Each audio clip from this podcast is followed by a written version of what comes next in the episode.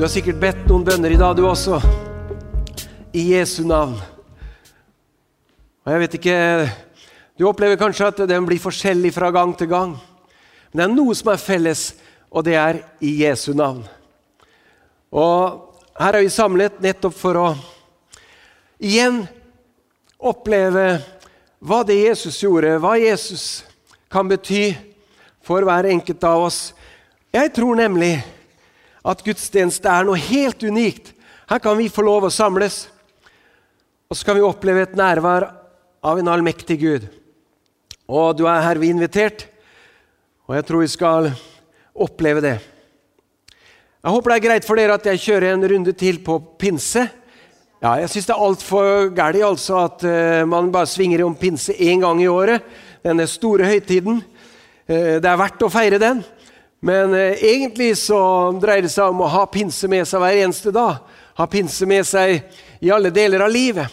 Den hellige ånd er så viktig for at vi skal forstå dybdene, bredden, sammen med alle de hellige, riktignok, hva det innebærer å høre Gud til. Og Hvis du legger merke til introduksjonen som Jesus gir vedrørende Hellige ånd, så vil du kanskje forstå noe av viktigheten av Den hellige ånd. I Johannes eh, kapittel 16 kan du lese det, komme hjem. Men der sier Jesus følgende Det er det beste for dere at jeg går bort, sier Jesus. Det er det beste for dere at jeg går bort, så jeg kan sende dere Den hellige ånd. Jeg ville jo tenkt, og jeg tror disiplene tenkte det samme Jesus, det er mer enn bra nok at du er her. Altså, Hva kan toppe deg? Du har forandra livet vårt. Det er jo en merkverdig uttalelse. Det er bedre jeg forlater dere, så dere kan få det Gud har lovet, Den hellige ånd. Wow, skal det bli mer enn det vi har opplevd til nå? De var jo midt i strømmen. De fulgte datidens mest anerkjente taler og mirakelmann. Hva kan dette toppe? De disiplene de var så opptatt av er det mulig. Jeg tror faktisk ikke de så for seg at noe kunne Kanskje ikke de så for seg at Jesus skulle forsvinne i det hele tatt. Poenget her er jo at for disiplene så var det jo umulig å forstå omfanget av Jesu komme. De hadde ingen forutsetning for å forstå hva Jesu liv, hva Jesu undervisning, hans død, hans oppstandelse skulle ha av betydning for menneskeheten. De hadde jo selvfølgelig ikke det. Men det var nettopp det Den hellige ånd skulle hjelpe dem til. Og La oss lese i Lukas 16, vers 12 og 13. Vi leser. Ennå har jeg mye å si dere. Det er Jesus som sier til disiplene. Men dere kan ikke bære det nå. Men når sannhetens ånd kommer, skal han veilede dere til hele sannheten. For han skal ikke tale ut fra seg selv men si det han hører, og gjøre det kjent for dere det som skal komme. Kunngjøre dere de kommende ting. Det står i ulike oversettelser. Her sier Jesus til disiplene at Den hellige ånd skal faktisk hjelpe dere til å forstå hva jeg har gjort, hvorfor jeg kom, hvem jeg er, og det kommer til å strekke seg langt, langt utover det dere har sett til nå. Disiplene skjønte jo selvfølgelig ikke rekkevidden av det. Og det var nettopp det. Den hellige ånd måtte på banen.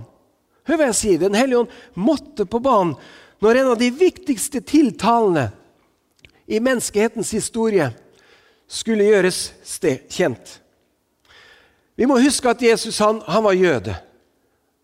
Ettertavla til Jesus kan du følge, du kan lese den. Og Det var viktig at han var jøde. Det var profetert om Jesus at han var jøde. Og han var i sin kontekst jødedom. Det dreide seg om disse tusenårige historiene med profetene, med alle kongene. Så dette her var jødedom. Og det var i den sammenhengen og det var i den konteksten disiplene tenkte hele tiden. Det var profetert om Jesus. Og Jesus sa at han var Messias. Han var den som skulle komme fra Gud. Og I disiplens øre og i samtidens øre så var det jo det her at han er kongen vår. Og hele folkesjela til jødene så lå det her Vi er hode og ikke hale. De var okkupert av romerne. Så det lå der at vi er jo Guds utvalgte folk, og Messias han skal komme. Han skal virkelig gjenopprette. Og Det er i den sammenhengen her de putter Jesus inn. Er han Messias? Er han kongen som skal befri oss fra dette undertrykte systemet, Romerriket? De så jo ikke dette store, store bildet på langt nær. Og Det er ganske spennende å se, for helt til det siste, når Jesus er sammen med disiplene, og han skal forlate dem fysisk, så forteller han, han gir dem sine instrukser og sier at dere må bli i Jerusalem. Ikke finn på noe sprøtt, Peter. Ikke finn på noe sprøtt. For du skjønner, det er noe Gud har lovet, som skal komme over dere. Dere skal få kraft idet Den hellige ånd kommer over dere. Og de hører på hva han sier. Men det siste spørsmålet de har Jeg ser for meg en sånn førsteklassegjeng som liksom 'Jesus, jeg har et spørsmål til før du farer opp til himmelen.' Og det er faktisk det du kan lese om det. Apostelens gjerninger 1,6. Så sier de, 'Herre, er tiden nå kommet?' Da du vil gjenreise riket for Israel. Altså, De lurte er du Messias, er du kongen? De ante ikke at dette hadde et mye, mye større fokus. Jesu komme handlet jo ikke om politisk makt, om status, om rettigheter til et land, om grenser, om å bli befridd fra Romerriket. Men helt til det siste så var hun på alerten. Mon om ikke det er Messias? Jesu komme handler om Guds kjærlighet til det enkelte mennesket i alle tider. Det handler om verdien av det enkelte mennesket. Det var det helt overordna. De hadde ikke sett det. De hadde ikke skjønt det. Det var det Den hellige ånd skulle være med og inspirere dem til å skjønne og se. Og det kom etter hvert, for jeg skal ta deg med på en kort reise i Apostelens gjerninger 10. Peter han har jo da blitt leder for de kristne. Jødekristne, ikke sant? Han var, han var som hovedmann i dette store scenarioet. Han reiser rundt i ulike deler av daværende jødeland og forkynner de gode nyhetene om Jesus. Jesus er Guds sønn. Jesus han var død, han har oppstått. Vi så ham. Han er inspirert. Han kommer til et sted som heter Joppe. Han tar inn hos garveren Simon. Garver det er altså en som driver med skinn. Huset ligger ved havet, står det. Og Peter har sine rutiner. Så ved den sjette time så går Peter opp på taket. Det høres rart ut, vi som bor i Norge. Men der nede er jo sånn at selv i dag så kan man finne av det i Syden. Finnes, det var liksom Taket var en del av leilighetskomplekset. Så Peter går opp der på taket, er alene. Jeg ser ikke for meg at Peter sitter stille, jeg ser liksom for meg at han går rundt og begynner å be. For det står han gikk opp taket for å be. Og han har gjort det før. Han visste hvem Jesus var. Han har vært sammen med ham. Han går og ber. 'Jesus, hva har vi på dagsordenen i dag?' 'Jesus, du må gi meg inspirasjon til å fortelle om deg.' 'Jesus.' Og mens han holder på med det, så står det at han kom i henrykkelse. I, I, den nye oversettelsen står det ekstase. Da begynner jeg å bli litt nervøs. Kom i ekstase. Litt scary. Det var en åndelig tilstand, i hvert fall. Fordi han ser et syn. Det kommer et syn ned, senkende ned som en duk, sier Peter. Og på den duken så var det all slags krypdyr, firbente dyr og fugler under himmelen. Så hører han en stemme parallelt som sier 'slakt og et'. Slakt og spis. Peter skjønner at dette er Gud. Han er såpass familiær med det åndelige at han sier, 'Herre, ikke tale om, jeg har aldri spist noe som er vanæret, eller noe som er urent.' Det er disse ordene de bruker. vet du. Jeg har aldri spist noe, så det kommer ikke på tale, Gud. Han sier det rett. 'Herre', sier han. Et annet ord for Gud. Det blir ikke snakk om. Egentlig kunne han dratt en dialog med Gud og sagt 'Dette var jo noe du ba oss om i Det gamle testamentet at ikke vi skulle spise. Hallo, kommer du nå og sier at jeg skal spise? Gud, du gjør meg forvirra! Så står det akkurat det. At når synet Dette skjer tre ganger, og når, når han kommer til seg selv, så grubler han, står det, over hva dette synet skal bety for han. Og mens han sitter der eller går der og grubler, så blir han ropt ned fra taket.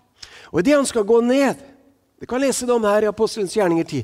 Idet han skal gå ned, så får han en tydelig opplevelse, for det er gjengitt sånn i Skriften at Ånden, altså Den hellige ånd Du skjønner, det er pinse langt utover den ene dagen. Den ene hendelsen i Jerusalem med tungetall og oppstandelse på masse vis. Det er pinse hele tiden. Så han får en klar fornemmelse. Han gjengir det sånn at det var Den hellige ånd som sier til meg at det, det står tre menn der nede, og du skal bli med dem uten å nøle. Du vet, Det er noe rart når logikken begynner å gå. Er det her, er det her lurt, egentlig? Hvem er dere? Helligånd måtte bare på forhånd si til ham ikke gruble noe mer over det, her, bare bli med, gutta. Og Han kommer ned og opplever at der står det tre menn, og de sier vi kommer, vi er utsendinger fra Cesarea, et annet sted i Ødeland. Og det er Cornelius, en offiser i den italiske bataljon. En italisk bataljon var på ca. 600 mann, elitesoldater fra det romerske riket, som var sendt til eh, de områdene her for å holde ro og orden. For du skjønner, sier de, han har hatt en syn om at han skulle hente deg, og du skulle bo i Joppe, du skulle bo i et hus ved havet. Og han som drev denne butikken der, han Garvard, han skulle hete Simon. Og nå har vi funnet fram. Og, og er du Peter? Ja, jeg er Peter. Jeg mener, jeg, da opplevde jeg noe, så jeg, da hadde jeg droppa å gruble noe mer. liksom. Og det stemte, det. Peter tar dem inn, og så er den natta over, og så dagen etter så går de. Så møter de Kornelius, for å gjøre det her kort. Og det er litt interessant, da. For en velkomst. Peter gjør det veldig klart i, at, i starten på det treffet. Han sier jeg er blant feil folk. Jeg er på feil sted til feil tid. Det var ikke mye til velkomst. For han sier jeg må gjøre det klart for deg, Kornelius, at ifølge jødisk skikk så har ikke jeg lov til å være sammen med deg. Jeg har ikke lov til å ta inn i huset ditt. Og her kommer kardinalpoenget mitt som Den hellige ånd måtte tale inn i Peters liv. Så hadde aldri vi hatt gudstjeneste her på Røde Mølle i 2020. For det var takket være Den hellige ånds inspirasjon i et syn, så kommer Peter med et av evangeliets viktigste statement. Og La oss lese i Apostelens hjerne 10,28. Han har akkurat sagt nei, det er ikke snakk om jeg er på feil sted til feil tid. Men Gud har vist meg at jeg ikke skal kalle noe menneske vanhellig eller urent. Vanhellig og urent kan oversettes med flere ting. Ugudelig, vanlig, simpel. En plage, en pest, en styggedom. Noe avskyelig. Husk hva jeg sa. Peter er født i en jødisk kontekst. Hode og ikke hale. Guds utvalgte. Dette her var det man den gangen og kanskje opp til nyere tid også kalte hedninger. De var ikke av jødisk ett. Så dette statementet er helt vilt ut ifra Peters bakgrunn. Den hellige ånd måtte være der. Det måtte bli pinse. Ikke bare én gang, men det måtte leve kontinuerlig. Fordi Den hellige ånd ledet Peter til å forstå at alle mennesker er like mye verdt. Alle mennesker er like høyt elsket av Gud. Og det her er et par tusen år før noen som helst konvensjoner skrevet i regi av FN. Dette her er Guds hjerte. Har vært det alle tider. Men spesifikt blitt synlig gjennom Jesu komme. I Galaterbrevet 3, 28 så skriver Paulus det er ikke snakk om jøde eller greker. Bare for, for, Paulus så var det her ganske hårreisende å si allerede den gangen. Slave eller fri, mann eller kvinne, vi er alle ett i Kristus. Hør, det er først og fremst i Guds begrepet at mennesket finner sin verdi. Fjerner man Gud, så kan det bli veldig kort vei til å degradere livets eksistens til det vitenskapen kaller 'the survival of the fittest'. Den som kan posisjonere seg best, kommer til å overleve. Han som slår først, eller slår iallfall hardest tilbake. Han som har evne til å undertrykke enten det er økonomisk, sosialt eller kunnskapsmessig. Han kommer til å nyte livet. Paulus sier i Filippenserne 2, 3-5.: Sett de andre høyere enn dere selv. Tenk ikke bare på deres eget beste, men også på de andre. Og så koker han det ned til tre ord. Vær som Jesus. Vær som Jesus. Du skjønner, Den hellige ånd er ikke bare gode følelser. Jeg delte litt om min erfaring med Den hellige ånd fra jeg har vært barn. Og Det har vært mange sterke opplevelser og følelser, men det har hele tiden ført meg tilbake til et fokus på Jesus. Det her er evangeliet, folkens. Vet du hva? Det her er det du og jeg er kalt til å leve ut hver eneste dag. Jeg vet ikke hva som kommer opp i ditt hode når jeg sier at det her er det de kristne er kalt til å leve ut hver eneste dag. I mitt hode og i mitt hjerte og fra min stemme så kommer det opp Jeg trenger hjelp!